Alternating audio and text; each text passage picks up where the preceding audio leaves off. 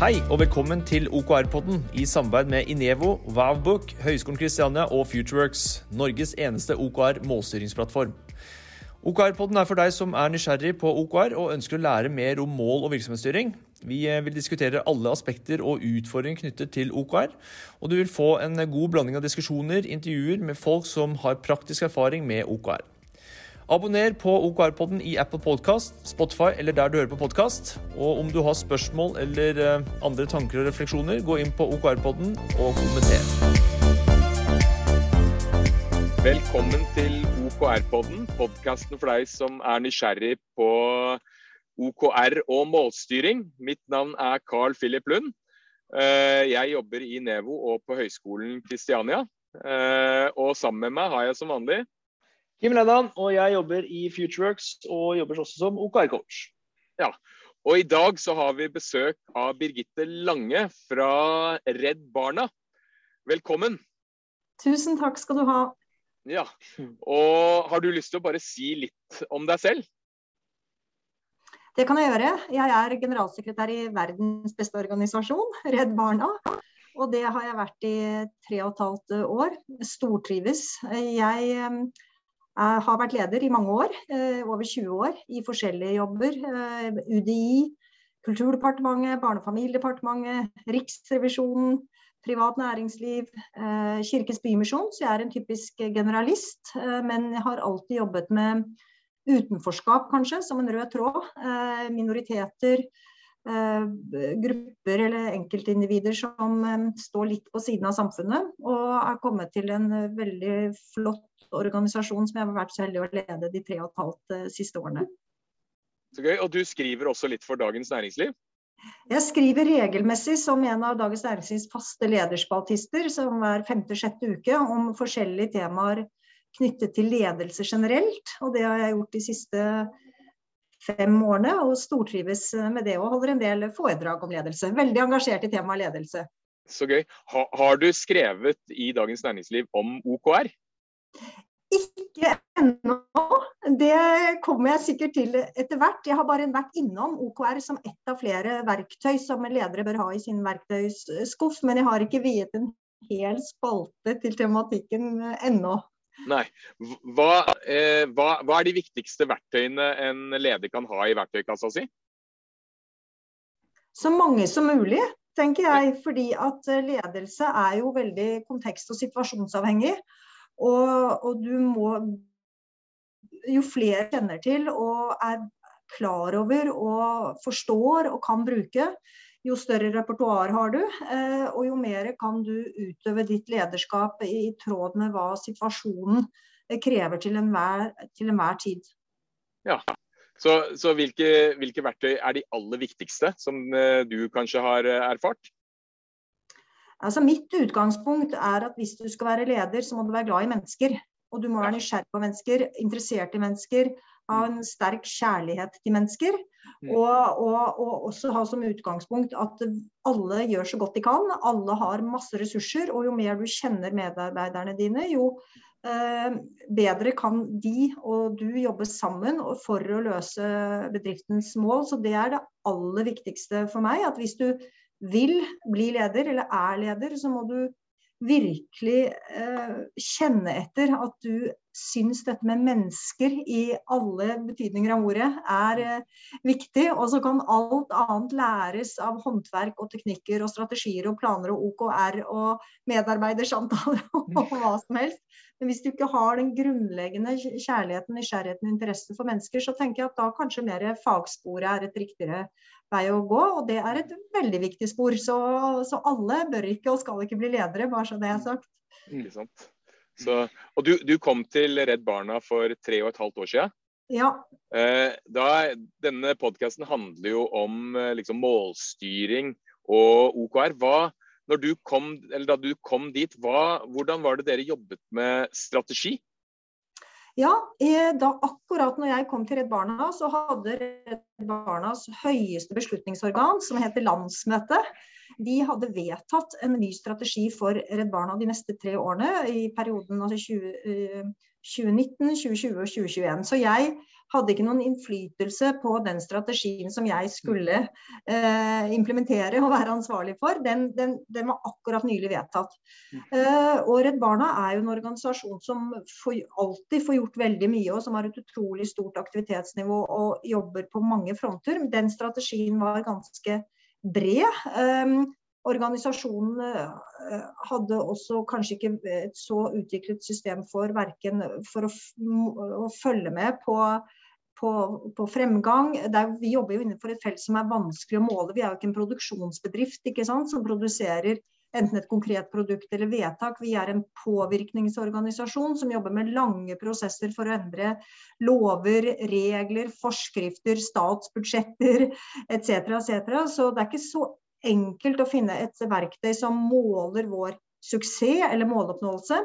Redd Barna hadde heller kanskje ikke et så eh, profesjonalisert system på risikostyring. Eh, hvordan skal vi til enhver tid identifisere overordnede viktige risikofaktorer? Og, og, kanskje heller ikke en så gjennomtenkt tenkning på hvordan vet vi at vi flytter oss i, i henhold til de strategiske målene vi Eh, har satt oss ved veldig mye hva skal vi si, aktivitetsrapportering, men ikke så velutviklet eh, måloppnåelses eh, å følge med på. Og det er en utfordring i en organisasjon som oss, som både jobber hva skal vi si, på bakken med å levere tjenester for barn i Norge og globalt, og som jobber med langsiktig politisk påvirknings- og kampanjearbeid, så, så er det ikke en sånn quick fix å finne ut hvordan skal vi vite om vi flytter oss i retning av de strategiske målene?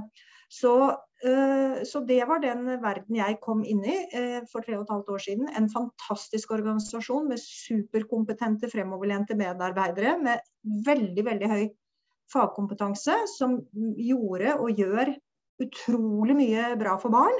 Men litt utfordrende å finne ut hvordan vet vi egentlig om vi har fått til det vi ønsket eh, eller ikke. Eh, vi vet at vi har gjort utrolig mye, men kanskje ikke et helt enkelt eh, hva skal vi si, modell for å følge med på og vite om vi brukte ressursene våre riktig i forhold til de overordnede strategiske målsetningene. Det var situasjonen sånn som jeg opplever det for, for da jeg begynte. Hvordan, hva, hvordan gikk du fram liksom for å For det er, jo, det er jo vanskelig å komme inn som ny på et nytt sted. Mm. Eh, og så er det jo vanskelig å jobbe strategisk hvis man ikke har grunnleggende forståelse for hvordan ting er gjort der tidligere. Hvordan, hvordan gikk du fram for å liksom komme deg inn i måten Redd Barna jobber på, samtidig som du liksom kom med dine impulser? Ja, det er kjempebra spørsmål. Og jeg kom inn i en helt ny bransje for meg.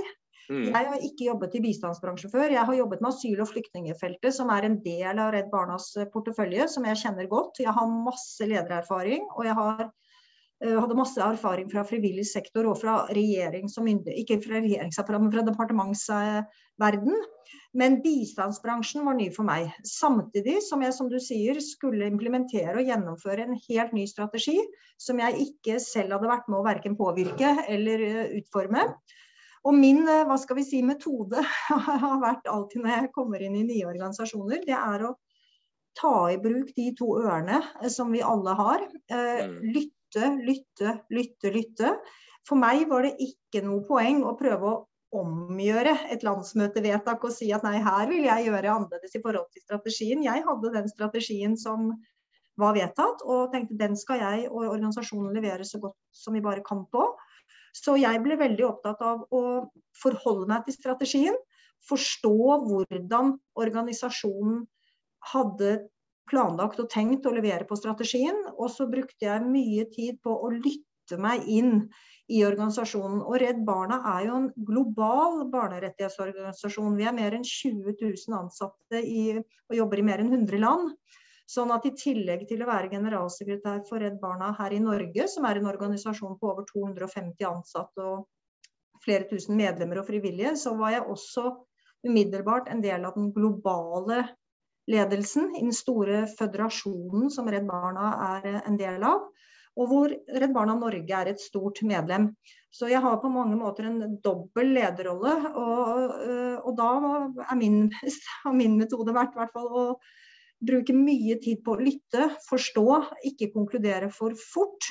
Ikke gjøre endringer i hytt og pine for å, hva skal vi si, bare fordi at jeg skal få, få, det akkurat sånn som jeg vil, men ta utgangspunkt i den organisasjonen som er der, og prøve å forstå den best mulig før jeg ser hvor jeg tenker at det er mest behov for å gjøre justeringer, korrigeringer, flytte oss dit.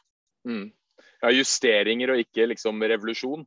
Det er vel det du, Du, min erfaring er at du kommer når du skal gjøre ting som leder i en såpass stor organisasjon som både Redd Barna og UDI, som jeg også har jobbet i fem år, hvor det var mer enn 1000 ansatte, så må du få med deg organisasjonen. Du sitter ikke som en eneveldig hersker på toppen av en organisasjon og sender ut ordre. Du, her er det et samspill mellom at jeg eh, sender ut si, signaler, retning, ønske, kurs, og så er det en dialog mellom meg og relevante personer, miljøer, avdelinger, stakeholders. Og så må vi møtes der hvor det er muligheter for å få gjennomført. Og så må man Jeg må alltid vurdere hva er kost-nytte-verdien i hvor store endringer som skal gjøres, hvis da de endringene jeg kunne tenke meg skulle gjøres, føres til veldig mye motstand etc., og det går veldig mye krefter til det, så kan det hende at det ikke er verdt det i forhold til å gjøre justeringer og heller få fremdrift på det som er det viktigste, nemlig å innfri barns rettigheter. Og Hvordan var det du kom inn på liksom, eh, målstyring, har du antageligvis jobbet med i mange ja. år. Men hvor, ja. hvordan, hvordan, kom du inn på liksom, OKR-spesifikke ting? Og hva, ja. hva er egentlig OKR for deg? Ja, eh, dette er jo helt eh, nytt og ukjent landskap eh, for meg. Jeg har, som du sier, jobbet med målstyring i mange, mange år. I mange forskjellige varianter. Alt fra New Public Management og alle virksomheter jeg har jobbet i, har hatt sine egne tanker, ideer, modeller for hvordan skal vi følge med på arbeidet vårt, og hva skal vi styre til, prioritere ressurser etc. Det jeg så i, i, de første årene her i Redd Barna, er at den strategien som var vedtatt, den skulle gjelde for tre år. Og da når vi kom på slutten av 2020, så ble jeg opptatt av at nå må vi begynne å forberede oss på å lage en ny strategi som skal gjelde fra 2022 til 2024. Da hadde jeg vært i organisasjonen såpass lenge at jeg begynte å få et mye tydeligere bilde av hva slags strategi jeg ønsket meg. Eh, både innholdsmessig og strukturmessig. Eh, jeg hadde også gjort meg noen erfaringer med at den nå daværende strategien var ikke eid i tilstrekkelig grad av hele organisasjonen. Eh, det er viktig at alle forstår hva strategien er og hva vi hele tiden skal jobbe i forhold til. Så jeg initierte et arbeid i organisasjonen i, gjennom 2021 for å lage en annen type strategi enn den vi hadde. Jeg ønsket meg en mye mer spisset og målrettet strategi med færre prioriterte områder, og jeg ønsket meg en prosess som gjorde at alle i organisasjonen eide, forsto og kunne stille seg bak strategien.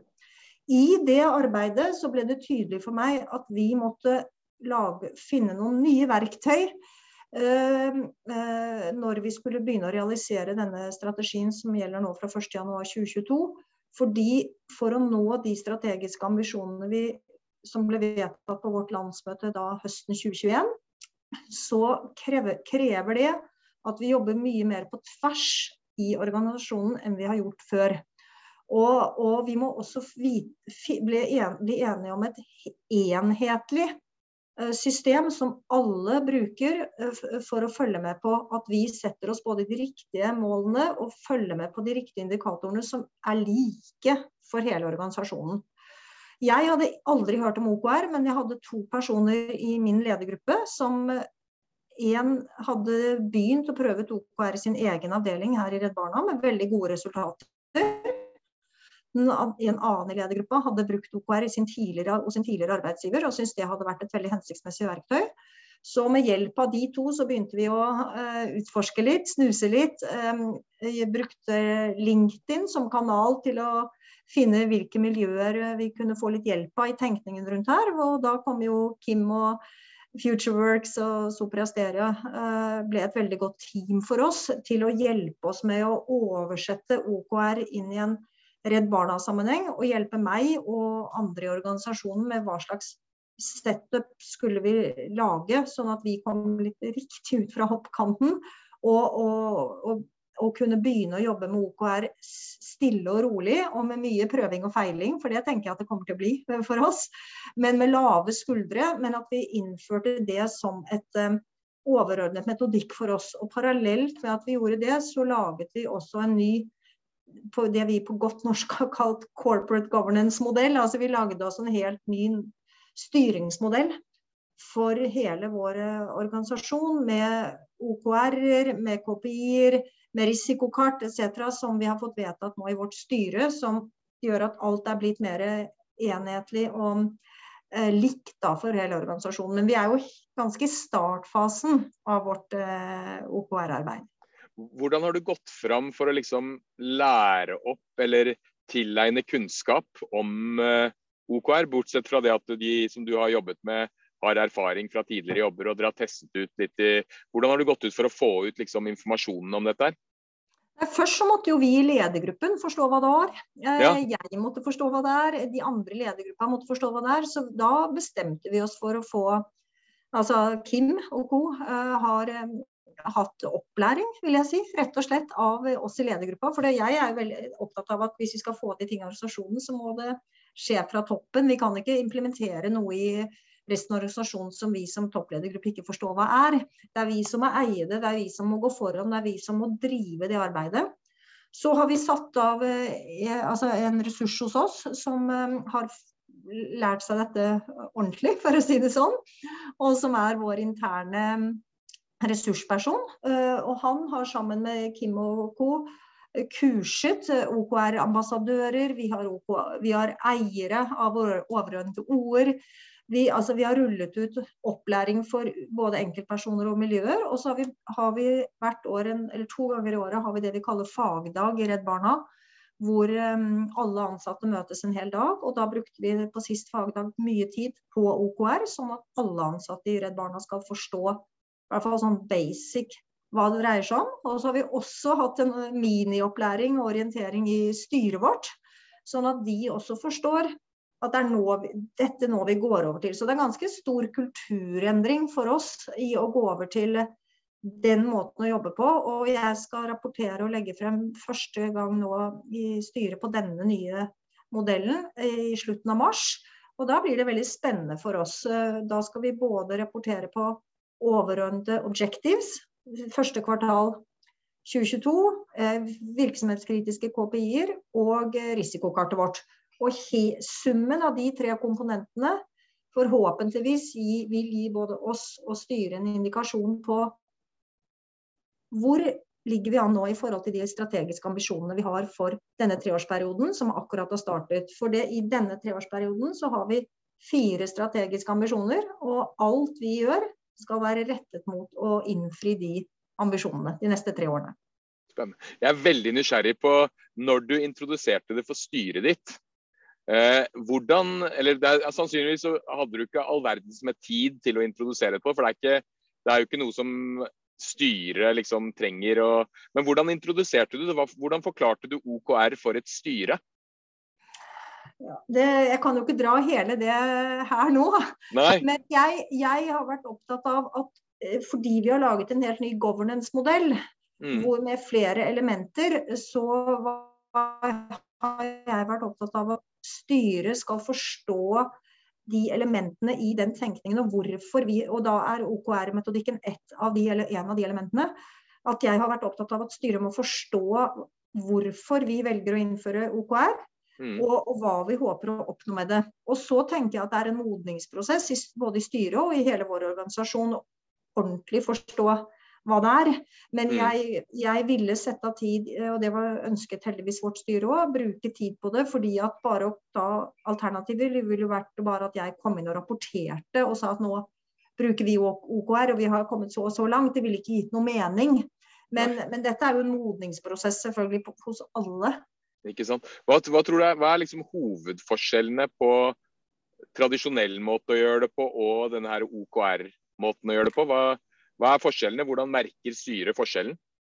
Ja, Det gjenstår jo å se, for vi ja. er jo helt i startfasen. Men hovedforskjellen for meg og ledergruppa og organisasjonen er at vi nå forsøker å, å, å følge med på og måle i forhold til mål, altså de strategiske ambisjonene våre, mer enn på aktiviteter.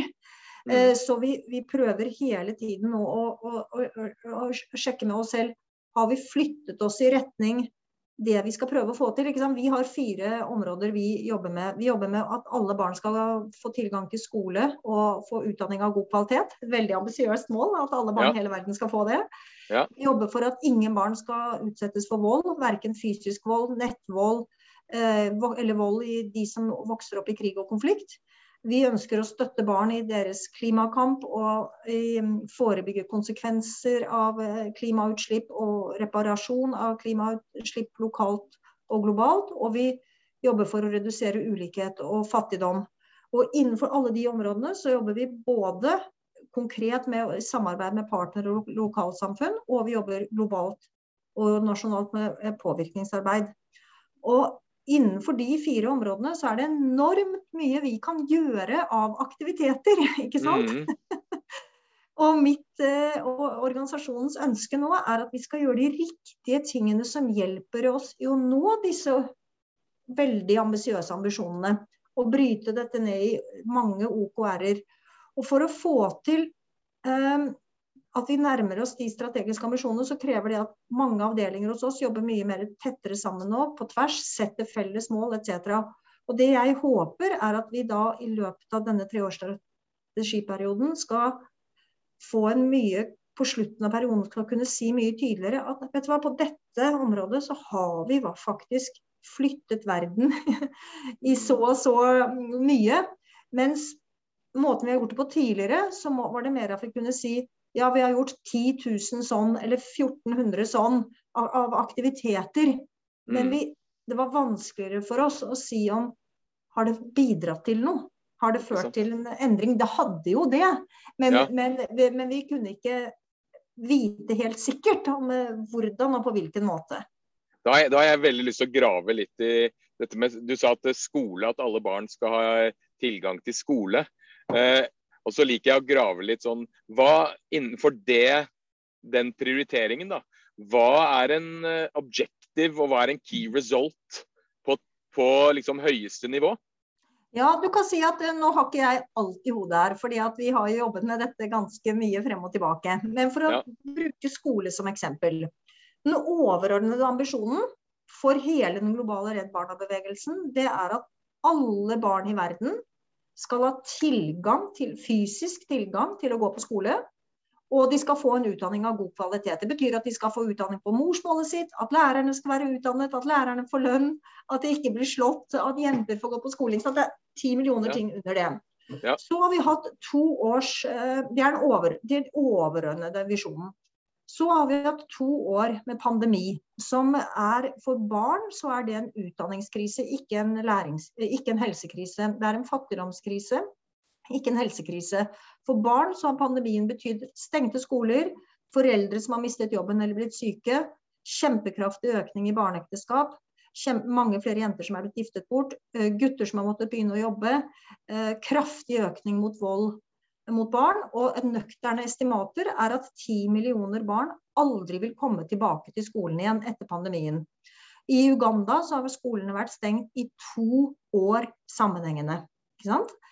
Det betyr at når vi da skulle lage en overordnet O for 2022 på akkurat utdanningsområdet, så bestemte vi oss for at det aller viktigste i år, i 2022, det er det påvirkningsarbeidet vi skal gjøre globalt for å få barn tilbake på skolen igjen. Vi må jobbe for at utdanningsbudsjettene globalt eh, kommer til, på det nivået det bør være, sånn at ikke bare helsebudsjettene prioriteres. Vi må jobbe for at eh, skolene fysisk gjenåpner. At lærerne får lønn. At det er et skoletilbud. Og Derfor så har vi formulert O eh, på utdanningstilbudet primært knyttet til det politiske påvirkningsarbeidet vårt globalt. Så mm. betyr ikke det at ikke alt det arbeidet vi kaller programarbeid, da, eller det vi faktisk gjør i alle de landene vi jobber, det skal vi ha fullt fokus på eh, som det er. Det er da det vi nå kaller business as usual. Hvor vi bare skal fortsette å jobbe med partnere, med skolemyndigheter, med lokalt, nasjonalt og globalt. Men, men der vi skal sette inn støtet, sette inn tilleggsressursene våre, der vi virkelig skal følge med og ha ekstra fokus, det er på det politiske, globale påarbeidet vårt. Klarer vi å få noen av disse ti millioner barna, tilbake på skolen, som er kjempeviktig for, for verden, så er det det vi skal først og fremst følge med på dette året her. Hva, hva, vil du si er liksom de viktigste elementene av OKR som gjør at dere har valgt det? Som, liksom, eh, det er jo noen prinsipper eh, bak OKR. men sånn, hva, Hvorfor har dere valgt akkurat OKR? Hva er det som gjør at OKR er bra for dere? Jeg vet ikke om jeg kan svare sånn kjempegodt for det. For vi satt ikke med en meny med her er seks forskjellige verktøy Nei, som vi kan velge mellom. For ja. oss, for meg, så var det et ønske om at vi skulle lage et helhetlig styringsverktøy for Redd Barna. Som mm. var likt for hele organisasjonen. Og som hjalp oss til at vi fikk jobbet bedre på tvers mellom mm. avdelinger. Altså ta ned silotenkningene. Og at vi skulle lage mål som var um, som hjalp oss hele tiden til å forstå hvorfor er det vi jobber i Redd Barna. Ikke sant? Mål som hjalp oss til at vi gjør dette fordi vi skal innfri barns rettigheter i en eller annen variant. Og hele tiden minne oss om samfunnsoppdraget.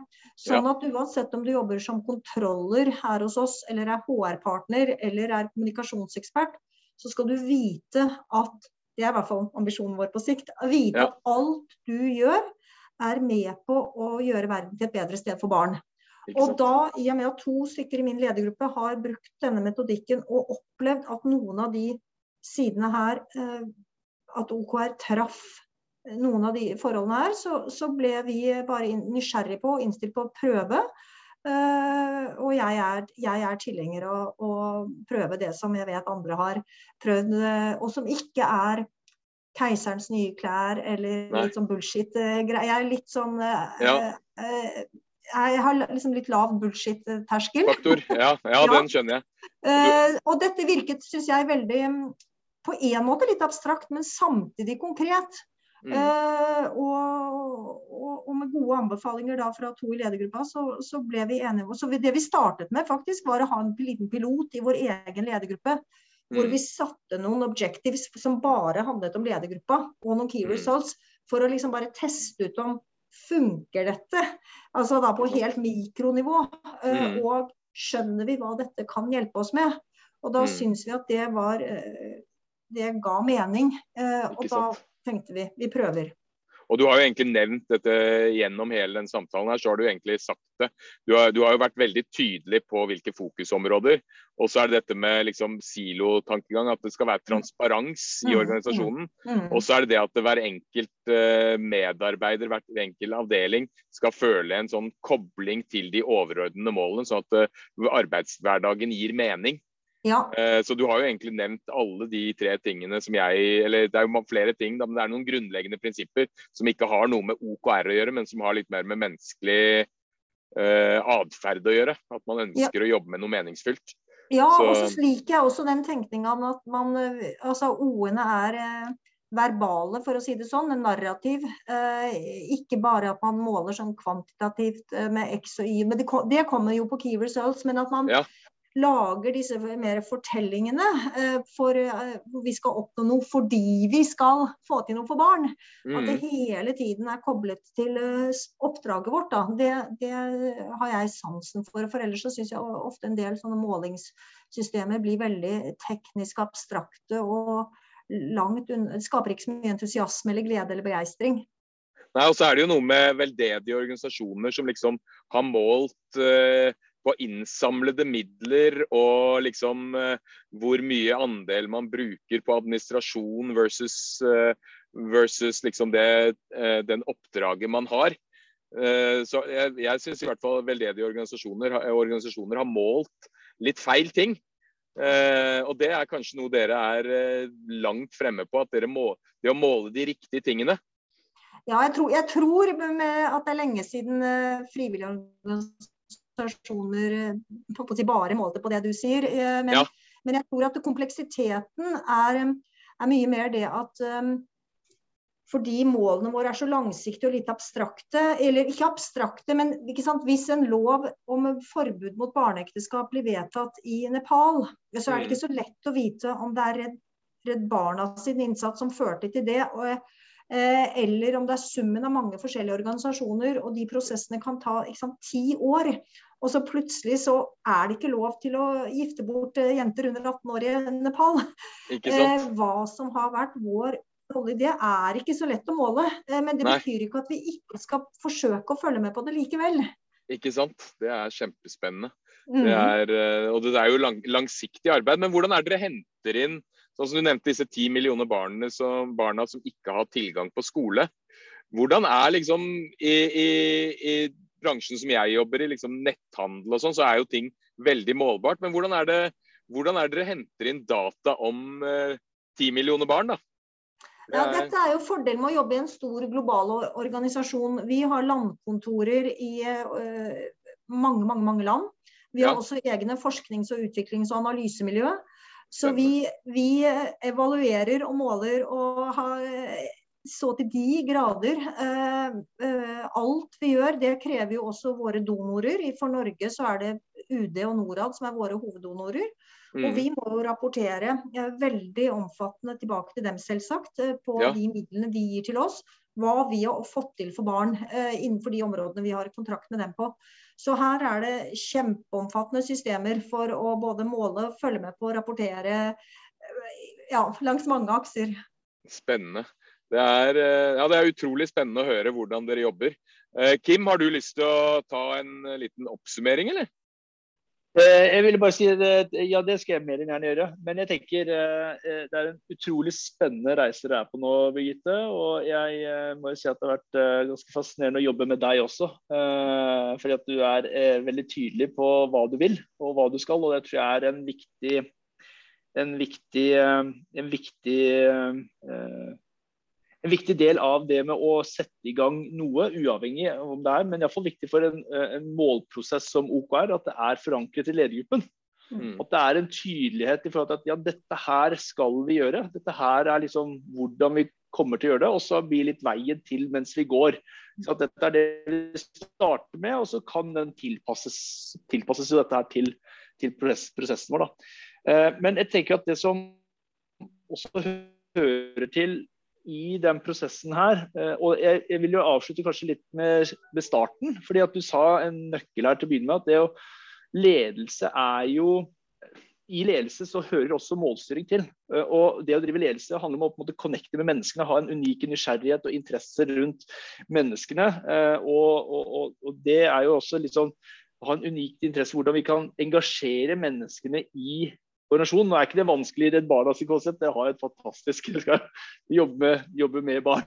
Så Det er det som på en måte engasjerer deg. Men det å på en måte løfte opp fokuset, det å på en måte få folk samkjørte, få folk med på en reise, få folk eh, til å engasjere seg inn i dette her på viktige områder. vi gjør masse bra i dag, men det er kanskje noen andre viktige områder som dere holder på med i dag, som OKR-ene kan faktisk bidra med til. da. Eh, og Det vil jeg kanskje si at kanskje er så litt sånn oppsummeringen. Altså skape mening eh, og ha en tydelig purpose på hvorfor vi gjør de tingene vi gjør. Skaper også en tydelig retning. Så mm. Mm. Og så vil jeg bare si også, Hvis dere har lyst til å bli mer kjent med Birgitte, så har hun også skrevet eh, fire bøker. Eh, hva heter de bøkene, Birgitte? Oi eh, ja. Jeg, det kan man google på nett. Det er fire okay, bøker eh, om. Eh, helt andre ting enn Redd Barna. Så det, kan okay, det, er det. det kan man finne ut av hvis man er interessert i å google på nettet. Ja, Veldig spennende. Det skal jeg gjøre. Så ja. tusen hjertelig takk for at du tok deg tiden. Eh, det var utrolig interessant. Ja. Og så får vi jo bare ønske alle en riktig god dag. OKR-podden er gjort mulig av Inevo, Vavbook og Futureworks, Norges eneste OKR-plattform som hjelper deg med å sette fart på innovasjon, utvikling og vekst.